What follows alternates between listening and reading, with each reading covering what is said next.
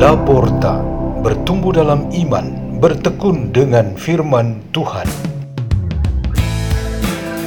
Radio Laporta, pintu terbuka bagimu untuk pertumbuhan pengetahuan dan kebijaksanaan tentang Allah.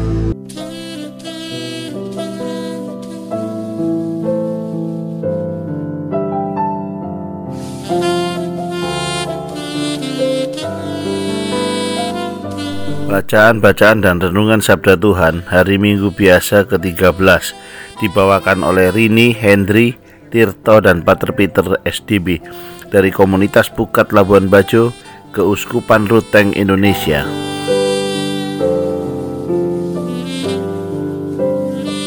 Bacaan dari kitab kedua Raja-Raja 4 ayat 8 sampai 11 ayat 14 sampai 16a. Pada suatu hari, Nabi Elisa pergi ke Sumnem. Di sana tinggallah seorang perempuan kaya yang mengundang dia makan. Dan setiap kali ia dalam perjalanan, singgahlah Elisa ke sana untuk makan. Berkatalah perempuan itu kepada suaminya, "Sesungguhnya aku sudah tahu bahwa orang yang selalu datang kepada kita itu adalah abdi Allah yang kudus. Baiklah, kita membuat sebuah kamar atas yang kecil yang berdinding batu dan baiklah kita menaruh di sana baginya sebuah tempat tidur, sebuah meja, sebuah kursi dan sebuah kandil. Maka apabila ia datang kepada kita, biarlah ia masuk ke sana. Pada suatu hari datanglah Elisa ke sana. Lalu masuklah ia ke kamar atas itu dan tidur di sana. Kemudian berkatalah Elisa kepada Gehazi hambanya, Apakah yang dapat ku perbuat baginya? Jawab Gehazi, Ah, ia tidak mempunyai anak dan suaminya sudah tua. Lalu berkatalah Elisa, Panggillah dia. Sesudah dipanggil, berdirilah perempuan itu di pintu. Maka berkatalah Elisa kepadanya, "Tuhan depan, pada waktu seperti ini juga, engkau ini akan menggendong seorang anak laki-laki." Demikianlah sabda Tuhan.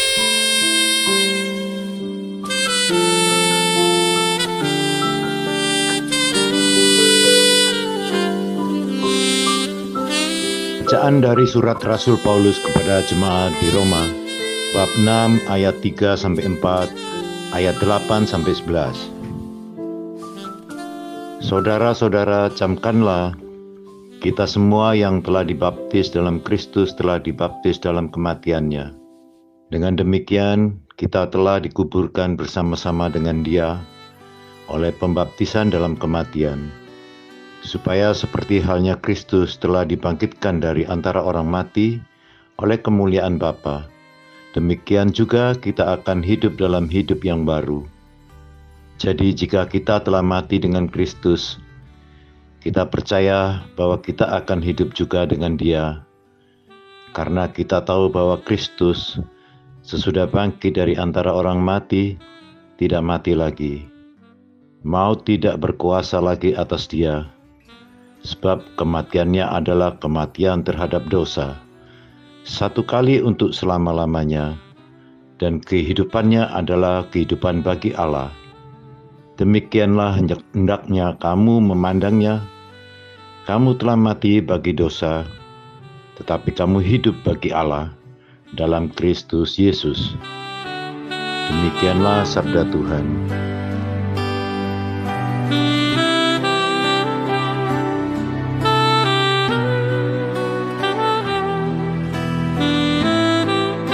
Inilah Injil suci menurut Matius 10 ayat 37 sampai 42.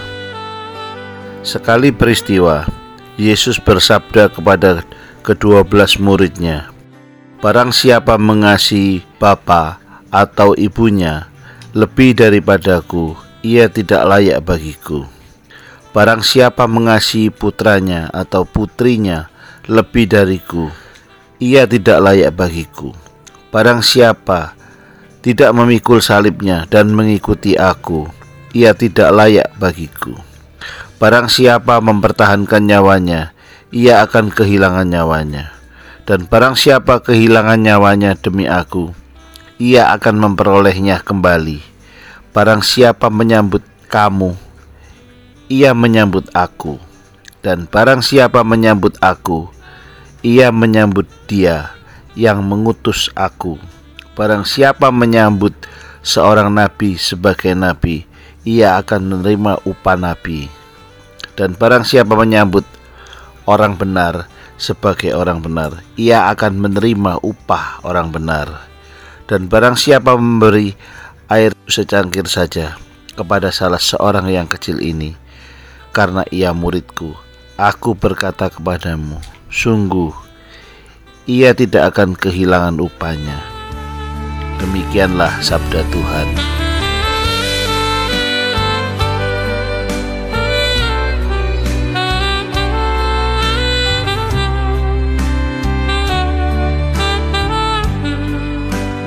Renungan kita hari Minggu biasa ke-13 ini bertema Cinta Kasih Tak Bertepi.